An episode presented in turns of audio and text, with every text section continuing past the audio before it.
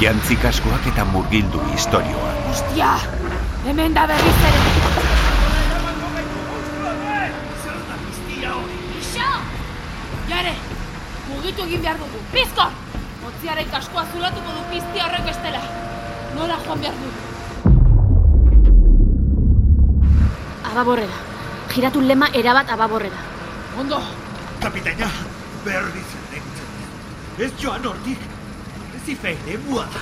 Barkaitzez josia dago. Horregatik, monstro horreku jarraitzea zailagoa izango du. Bira eman du. Hurbiltzen ari zaigu berriz. Baina ze erokeria da. Eskato zorgin baten hitzei sinetxi behar aldiez. Une zoroetan, turko, erabaki zoroak hartu behar dira. Estriborrera! Barkaitzen aurka txikituko gara. Zuzenean eriotzaragoa. Eta, hitzekotan, hobe aurrez joan, beraku harrapatu zain egon baino. Zuzen! Zuzen ba, guazen.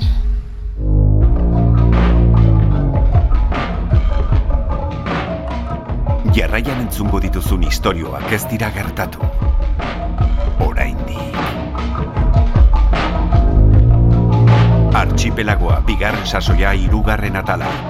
Kibalion. Jare,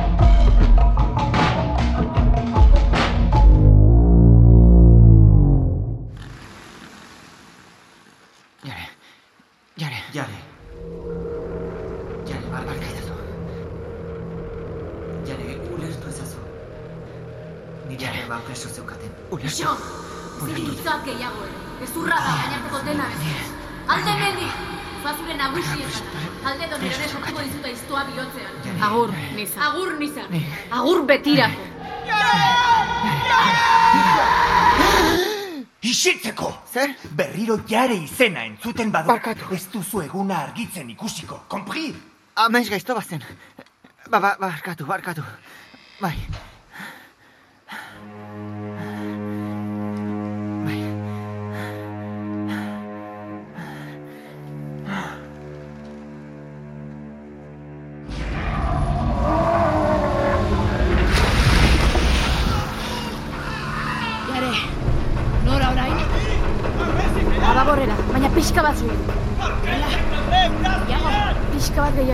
Nahikoa.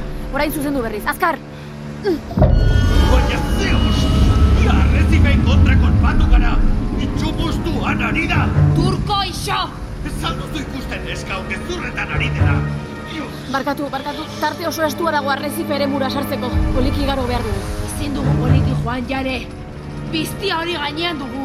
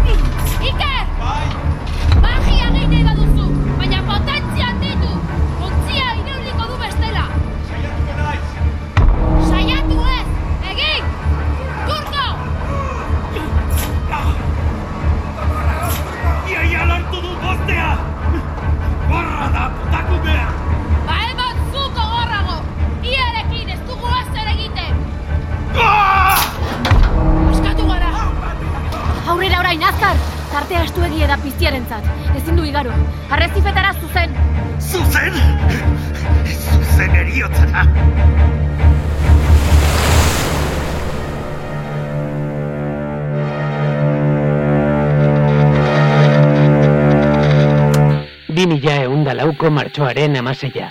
Arrateko talaiatik egun on guztioi. Honakoa Euskal Archipelagoko itxasontzietako informazioa duzue. Irrati maiztasun ertainetik ari gara emititzen. Gaur, temperatura altuak izango ditugu.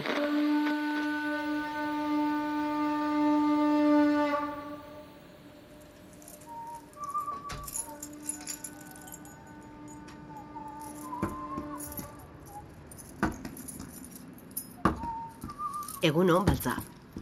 Alan ekarri. Umore honean somatzen zaitut. Ondo egin duzu lo? Ba, egia esan, ez oso ondo. Hame txarraro bat izan dut. Itxasoko monstro batekin. Monstro bat? Bai, olagarro erraldoi bat edo... Ba, berdin dio. Zer dugu gaur? Batzarra. Ah, egia. Kofradixaren batzarra. Amabietan? Amabit erditan. Ondo. Amabietan gogoraraziko dizut berriro eta nahi baduzu elkarrekin joan gintezke. Ez, zuk aitor itauntzen jarraitu. Bale.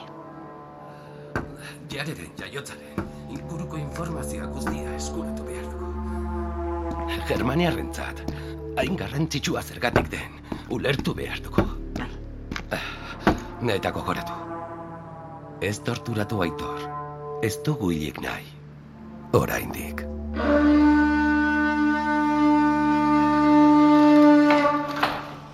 Egunon, Anderea? Baita zuri ere. Zer moduz doa jaka eta alkandoren produkzioa? Ondo, jakak gaur bukatuko ditugu seguraski. Bikain. Eibarreko hiritar guztiek bana izan behar dute hotzik ez pasatzeko. Ikatzik ezin dugu ekarri elgetako mehatzetatik setioak dirauen bitartean. Baina ez da askoz gehiago luzatuko, ez? Naiz garaituko dituzue Afrikar zikin horiek. Eh, errespetu pixkat Muñoz Andrea hitz egitean. Lasai, lasai. Normala da urduri egotea, baina ez kezkatu. Eibarreko gudarosteak arrateko amatxuren laguntzaz, laster bidaliko ditu fedegabe hoiek Iberiar desertura. Jainkoak entzun zaitzala, Anderea. Alaba lehen frontean dago, karakateko lurmuturra zaintzen. Lasa, izan fedea, dena ongi aterako da. Baina noizko. Mm, Beno, zuek segi, orain utzi egin behar zaituztet, beste lan batzuk ditut. Aio. Jonasen berririk bai? Nire mezuari erantzun aldio. Ez, oraingo zezerrez, Andrea. Laguntza behar dugu lehen bailen. Nagusi! Zer da? Zer dela eta presa hori? Nagusi! Hemen zaude, nagusi. Iparliga, Andrea. Orain arte, ikusi ez bezalako erasoa burutzen ari da.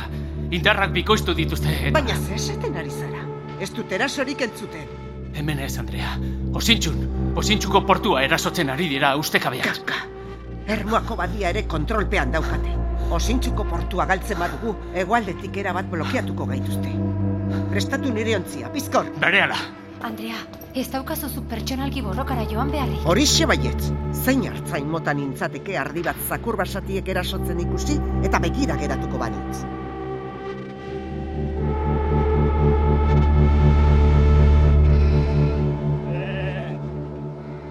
Eneko, itxi lehioa, mesedez. Ez dizue terdiare entzuten. Bai, barkatu irati.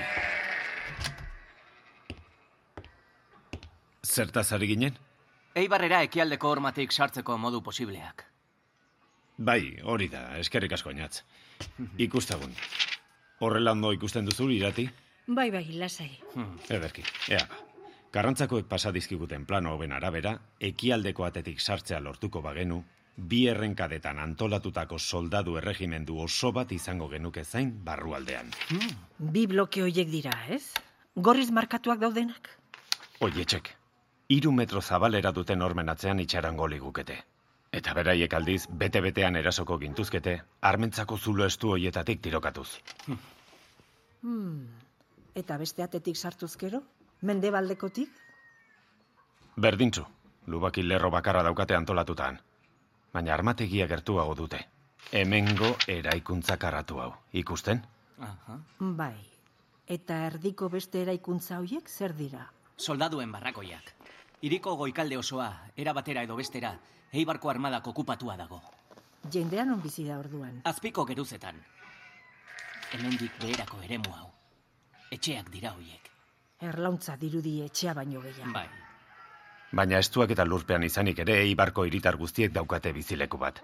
Aurko puruaren arabera aldaliteke, baina gainontzean berdina da denentzat.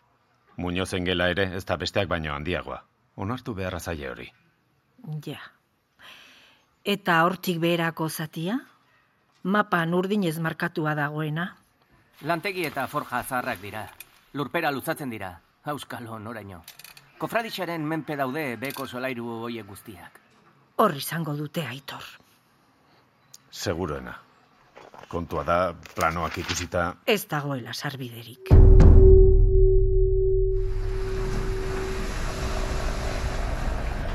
Ez dago irtenbiderik! Ixo, turko! Beti dago irtenbide bat. Ez da, jare? Bai, bueno, Urrazpian arrezibez josia dago eremu hau dena. Kilometrotan eta kilometrotan luzatzen da aurrera, baina baita ezker eskuin ere. Eta orain esaten aldut, puta zarra! Zer, nahiago altzen nuen itxaso zabalean geratu, mustro horren jakia izateko. Hasieratik esan dizut, kapitan. Ontziak barrerotz norabide honetan nabigatzen ez badute. Zerbait egatik da! Titi muturretaraino jartzen ari nahi zurekin. Aitxu turko! Ez genuen hona sartu behar. Labirinto bat da. Baina guk babua bilatzaile bat dugu gurekin. Zorgin hori? Zorgina. Dios, gizon ostia hauek. Ea jare, egia erantzutea nahi dut. Arrezif eremu honetatik ateratzen gidan azakezu. Ez dakit, ez dakit. Ha, ikusten? Zer da ez dakizuna? Ezin dituzu arrezifeak urrazpian ikusi. Ez ez da hori. Zer da orduan? Konzentrazioa mantentzea geroz eta gehiago kostatzen zaiz. Buruak ez tanda egin behar di. Berdin zain, konzentratu.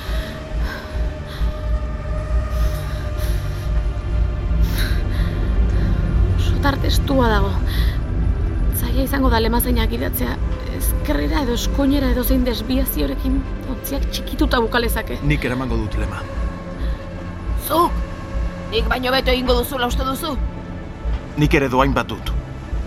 Bide zuzena topa dezaket. Eta oker dauden gauza konpondu. Ara, Arrazoi du, berak atera ninduen bangladitik. egia esan motorra konpondu duzu. Agian aproba egin genezake. Zer?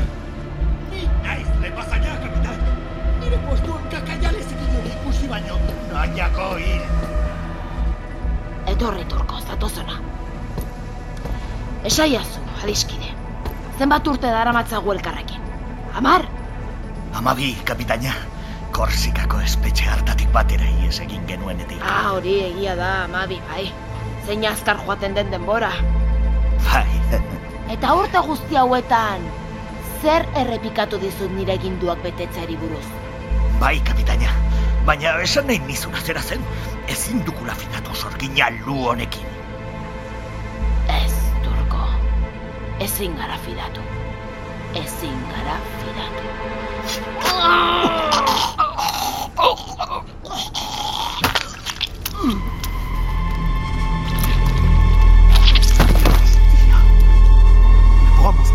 Zuk atera gaitzazu labirinto madarikatu honetatik.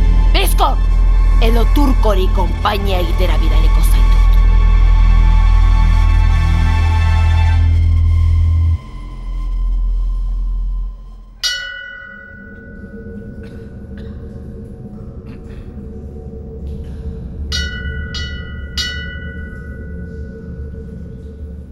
Gu gara, ez jakinen zara eta itzaldu eta jakinduriaren argia itzartzen duen kanpaia. Gu gara mailu eta ingudea, kolpekaz izelkatuko dugun mundu berriaren kanto jarria. Gu gara jakim eta boaz, arkitekto handiaren konpasa. Sinezkerien eta beldurren sabela urratuz. Prometeo berria erdituko duen ez bata. Gu, hortzi mugaren sortaldea gara, lehen eguzki izpiaren neba arrebak. Gu, kofradixia gara. Eta orain, berritu dezagun gure zina. Bete dezagun gutako bakoitzak, denon aurrean eman genuen hitza. Heldu kandela bana. Argiagatik, itzal guztiak erre arte.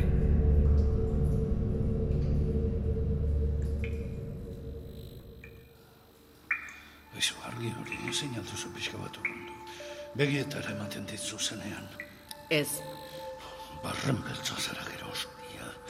Zuk honekin gozatu egiten duzu alu horrek. Ez alda nahiko esku bat moztu izana. Ez alda nahikoa ziegazulo hauetan egotea, gaua edo eguna den jakin ezinik eta zure galdera zentzugabe berberak beinta berri zentzuten aritu beharra, eh? Ez, ez da nahikoa. Galderen erantzunak behar ditugu. Zergatik egin duzuen akabatu behinko zerraioa. Zergatik luzatu agonia hau. Ez tentatu. Segi dezagun. Pirinotako bide laburren segadak pasatzen dituzte, bale. Ze gertatu zen gero? Nora jo zenuten? Nora joko genuen ba. Aurrera, ez zegoen beste biderik. Ez genuen beste remediorik. Aurrera, itxasertzetik Kataluniako Errepublikaraino. Eta, ze gertatu zenan? Kontatu. Ze gertatu zen. Da gauza asko. Arango portu librera iritsi ginela. Oier ordurako ari batetik zintzelek zegoen. Ni genuen uste pare bat egun gehiago irongo zuenik ere. Baina arango portua badakizu. Ura ondoratzearen ondoren barrura lehertutako sumendi bat bihurtu zen. Mundu zaharreko ondakin guztien estolda baten antzekoa, eta han zoramen hartan petrekiloa ezagutu genuen.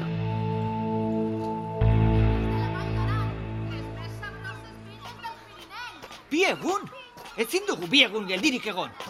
Ez naiz ni epeak finkatzen dituen anizar. Hau, arango portu librea da. Garai batean gomen jizena zuen erri honak. Hemen daude mundu zaharretik bizirik atera ziren ontzioletako artisaurik onenak. Mesana konpontzeko biegun behar dituztela badiote, horrela data fini. Baina, baina dagoeneko asko atzeratu gara. Itxaslapurrak urrutek egon daitezke, Oksitania bidean agian. Itxaslapurrak ez dira hemendik pasan izar. Baina zer diozu? Zer esan nahi duzu? Ejan dutana ejan nahi dut. Ez direla oraino iritsi. Galdetu dut eta segur dakit. Portuan ez dago haien etorreraren behirik. Eta orduan? Orduan izar, edo guk baino sorte txarragoa izan dute menditarrekin, jainkoak nahi ez dezala, edo iparaldeko bidea hartu dute, landetako ahizifeetatik. Eta deabrua da orduan pozik egongo dena. Zer? Zer esan nahi duzu, joder?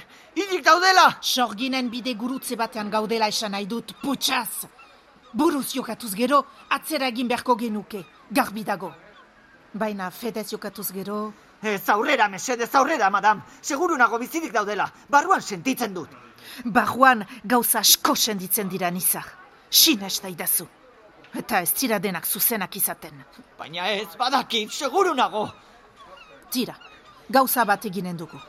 Lehen egan dizut. Sorginen bide gurutze batean gaude. Bo, ba bertatik ateratzeko, onena, sorgin bati berari itauna luzatzea da. Sorgin bati? Bai, sorgin bati. Gainera, lo egin alizateko edabe bat erosi beharra diot lehenik ere. Petrikiloaren gana joango gira. Petrikiloa? Ez dut ulertzen itzori, zesan nahi du? Ez arduratu izenaz nizar, modu askotara deitu izaten dute. Eta hizkuntza askotan. Baina, bere ponte izena, Genesis da.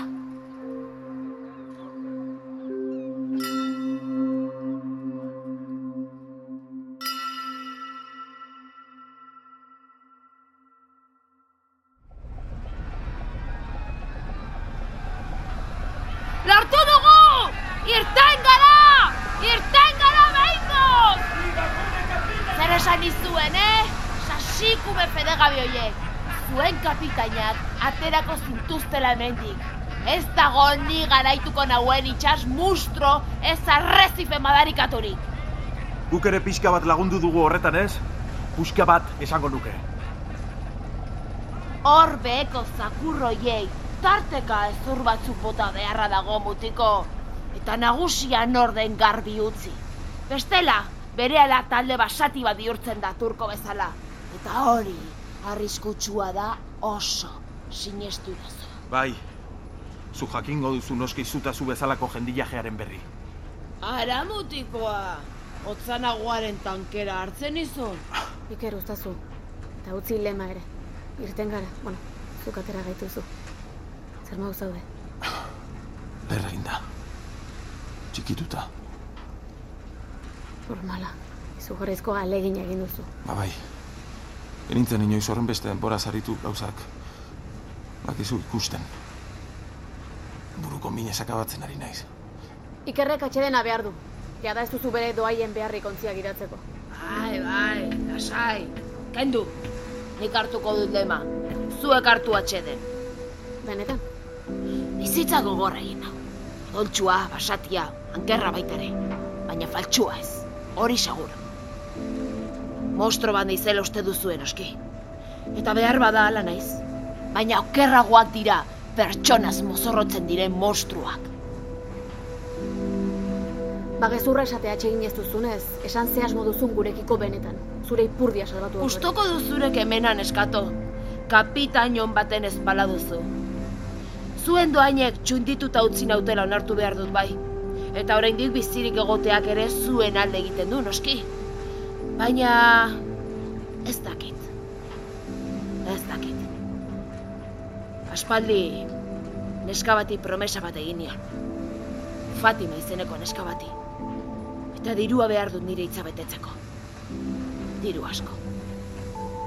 Beraz, zer? Beraz, atxedena hartuko dugu denok, zuek eta nik. Leku lasai bat topatu, aingura bota eta patjar pixka bat edango dugu. Mozkortuta beto pentsatzen dut.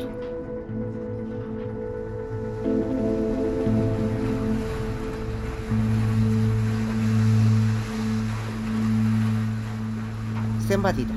Eun. Eun eta hogei itxasontzi agian. Zaila da jakitea. Gehiegi, edo zein kasutan ere. Itxura txarra du honek, Anderea.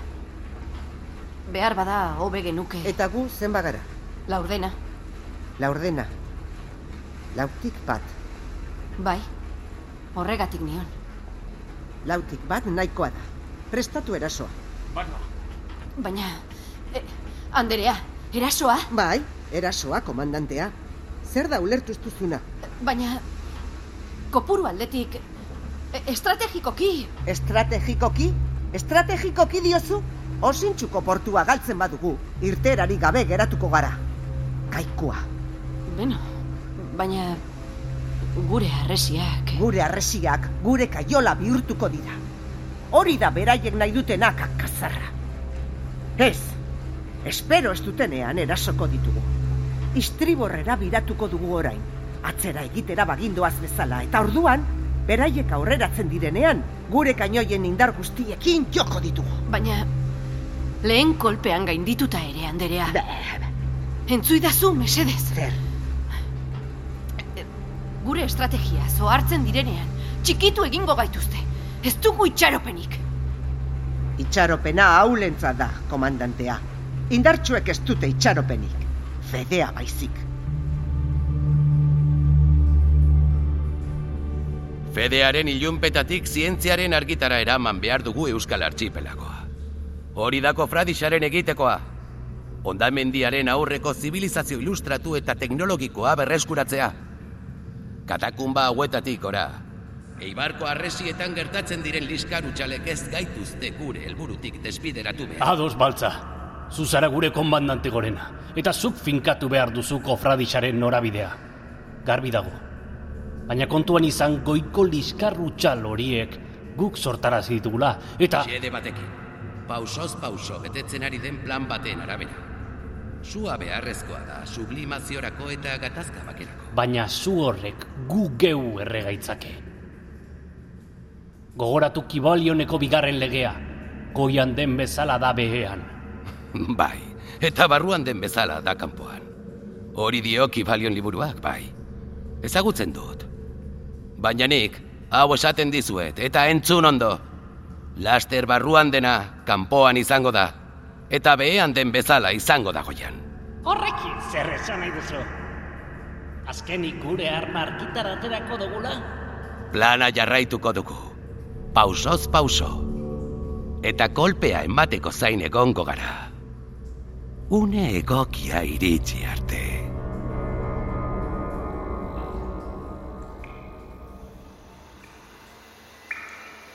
Zainago, erantzun. Nola iritsi zineten petrekiloaren gana eta ze gertatu zenan? Nola iritsi ginen.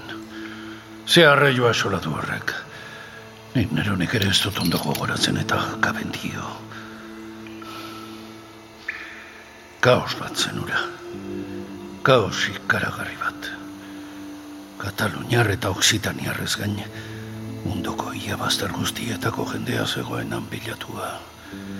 Eun mila hizkuntza ezberdinetan izketan eta garrasika, trukean, jokoan, zorrotean, borrokan, txortan. Dena kale ez duzikina jenin butuan korabilatuak. Postu txabola eta gorputzen anabasak amaierarik etzuela zirudien.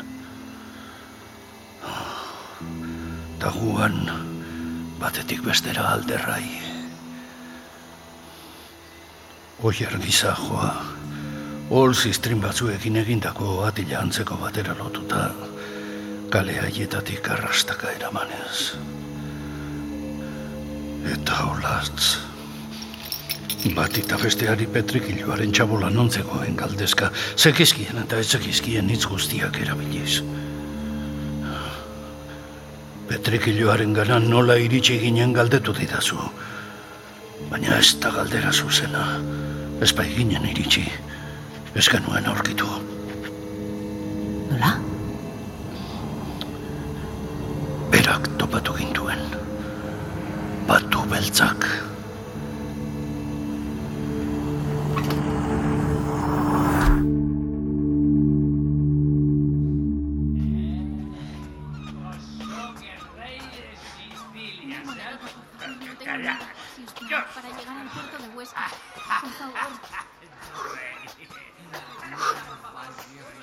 Hau da, petrikilloaren txabola?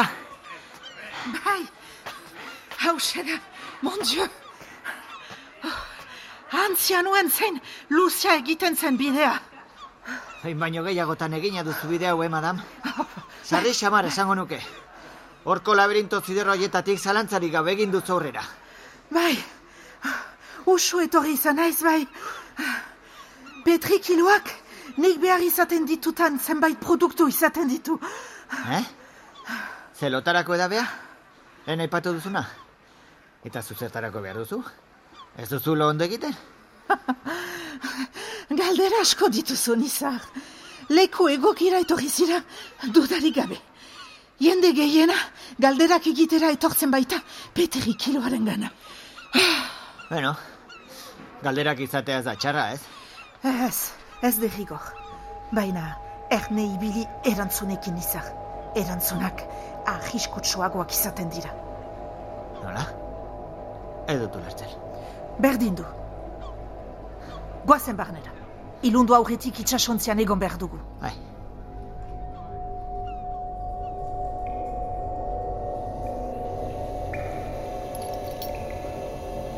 Ateura gurutzatu eta petrikiloaren txabolara sartu ginenean. Gauean morgildu ginen kolpera. Kobazulo bat zenura. Kello di sarkorrez eta itzalak baino sortzen ez zituzten kandela muturrez josia.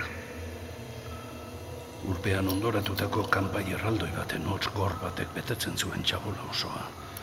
Aspaldi itotako bale baten kesuaren antzekoa. Dardaraka jarri nintzen bere ala, ez daukat losarik esateko. Txekia nintzenean, azken olatu handia altxatzen ikusi nuenean sentitu nuen beldur berberak hartu ninduen. Olatz eskutik heldu eta bere ala handik irteteko keinua egin niola gogoratzen dut. Baina orduan, bera azaldu zen, errainuen artetik. Petrekiloa.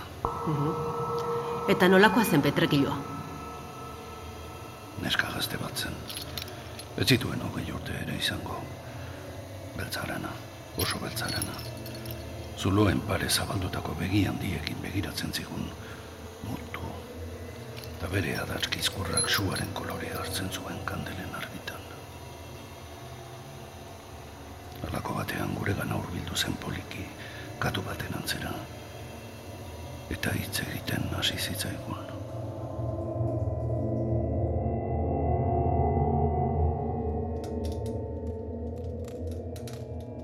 Ongi etorriak nire etxera. Ni Genesis naiz, zuen zainengoen. Lilizen musuak bedenka ditzala ona ekari arazi zaituzten pausoak. Eta loratzen jarrai dezala lehen emaztearen hasiak. Ni Eloiz naiz. Eloiz? Eloiz Pompidou. lehen ere izana naiz hemen. Ogoituko zira noski. Eta mutiko hau... Nizar da. Begirada argitsua duen ura. Baina, zuk no, nola jakin duzu nire izena? Zertara etorri zarete, Elois eta Nizar. Zer behar duzuen igandik? Ni e emakume edegaren ostuen bila etorri naiz. Emakume edera? Belladona? Loa behar duzu amesten jaraitzeko, ez da? Mm, bai, behar dut. Ondo da. Belaikia bera zuretzat, Elois. Baina garestia izango da oraingoan. Garestiagoa, bai zuretzat, eta bai niretzat. Intsentsua ekarri dut ordainetan. Intsentsurik onena. Hmm. Ondo da. Tori edabea. Sua, kearen turuke. Zuzena da. Hemen duzu intsentsua. Nahi baduzu. Eta zuk, nizar? Zuk zer behar duzu? Nik ezer ez? Bai, zerbait bai. Zuk, nizar, orebana eta zauriaren artean aukeratu behar duzu. Bat, ala bestea. Bide gurutzean zaude.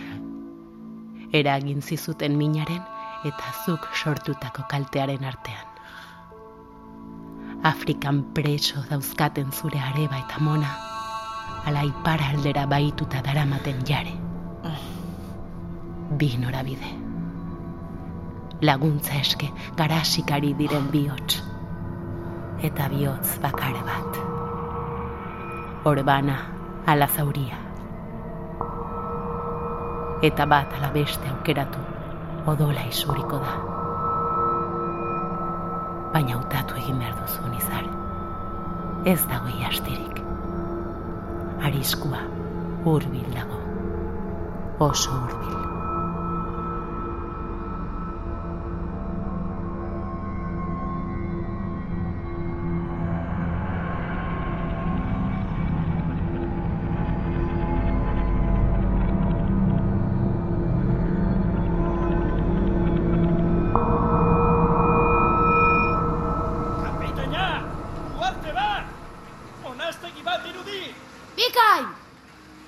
Gaur lola saia egingo dugu azkenean.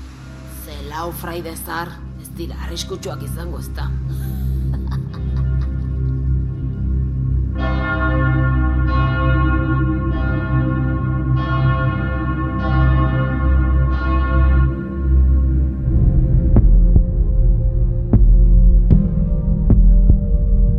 Archipelagoa Ulu Mediak EITB podcastentzat ekoitzitako soinu fikzioa da. Grabaketak Koldo Korea eta Santi Salvadoren estudioetan egin dira, eta soinu diseinua Lasarteko Ulu estudioetan. Archipelagoan parte hartu dute, Gidoian Xavier eta Martin Etxeberria. Grabaketan Koldo Korea. Soinu diseinuan Oier Arantzabal eta Jon Gartzia. Aktore zuzendaritzan Anart Zuazua. Jatorrizko musika Rafa Rueda. Artea Xavier Sagasta. Besteak beste, honako aktore hauek parte hartu dute. Aitziber Garmendia, Eneko Sagardoi, Itziar Rituño, Iñaki Beraetxe, Anartzu Azua, Sara Kozar, Clara Abadiola, eta Bikoizle Euskaldunen elkartea. Ekoizpena eta koordinazioa, Xavier Etxeberria eta Kristina Tapia Huizi. Zuzentzaile eta edizio lanak, Juan González Andrés. Zuzendaria Oier Arantzabal. Sail guztiak entzungai dituzu EITB podcasten edo audioak entzuteko darabiltzun dena delako plataforman. Arpidetu eta zabaldu lagun zein etxaien artean. Ei, txt, entzun hori. Ulu Media.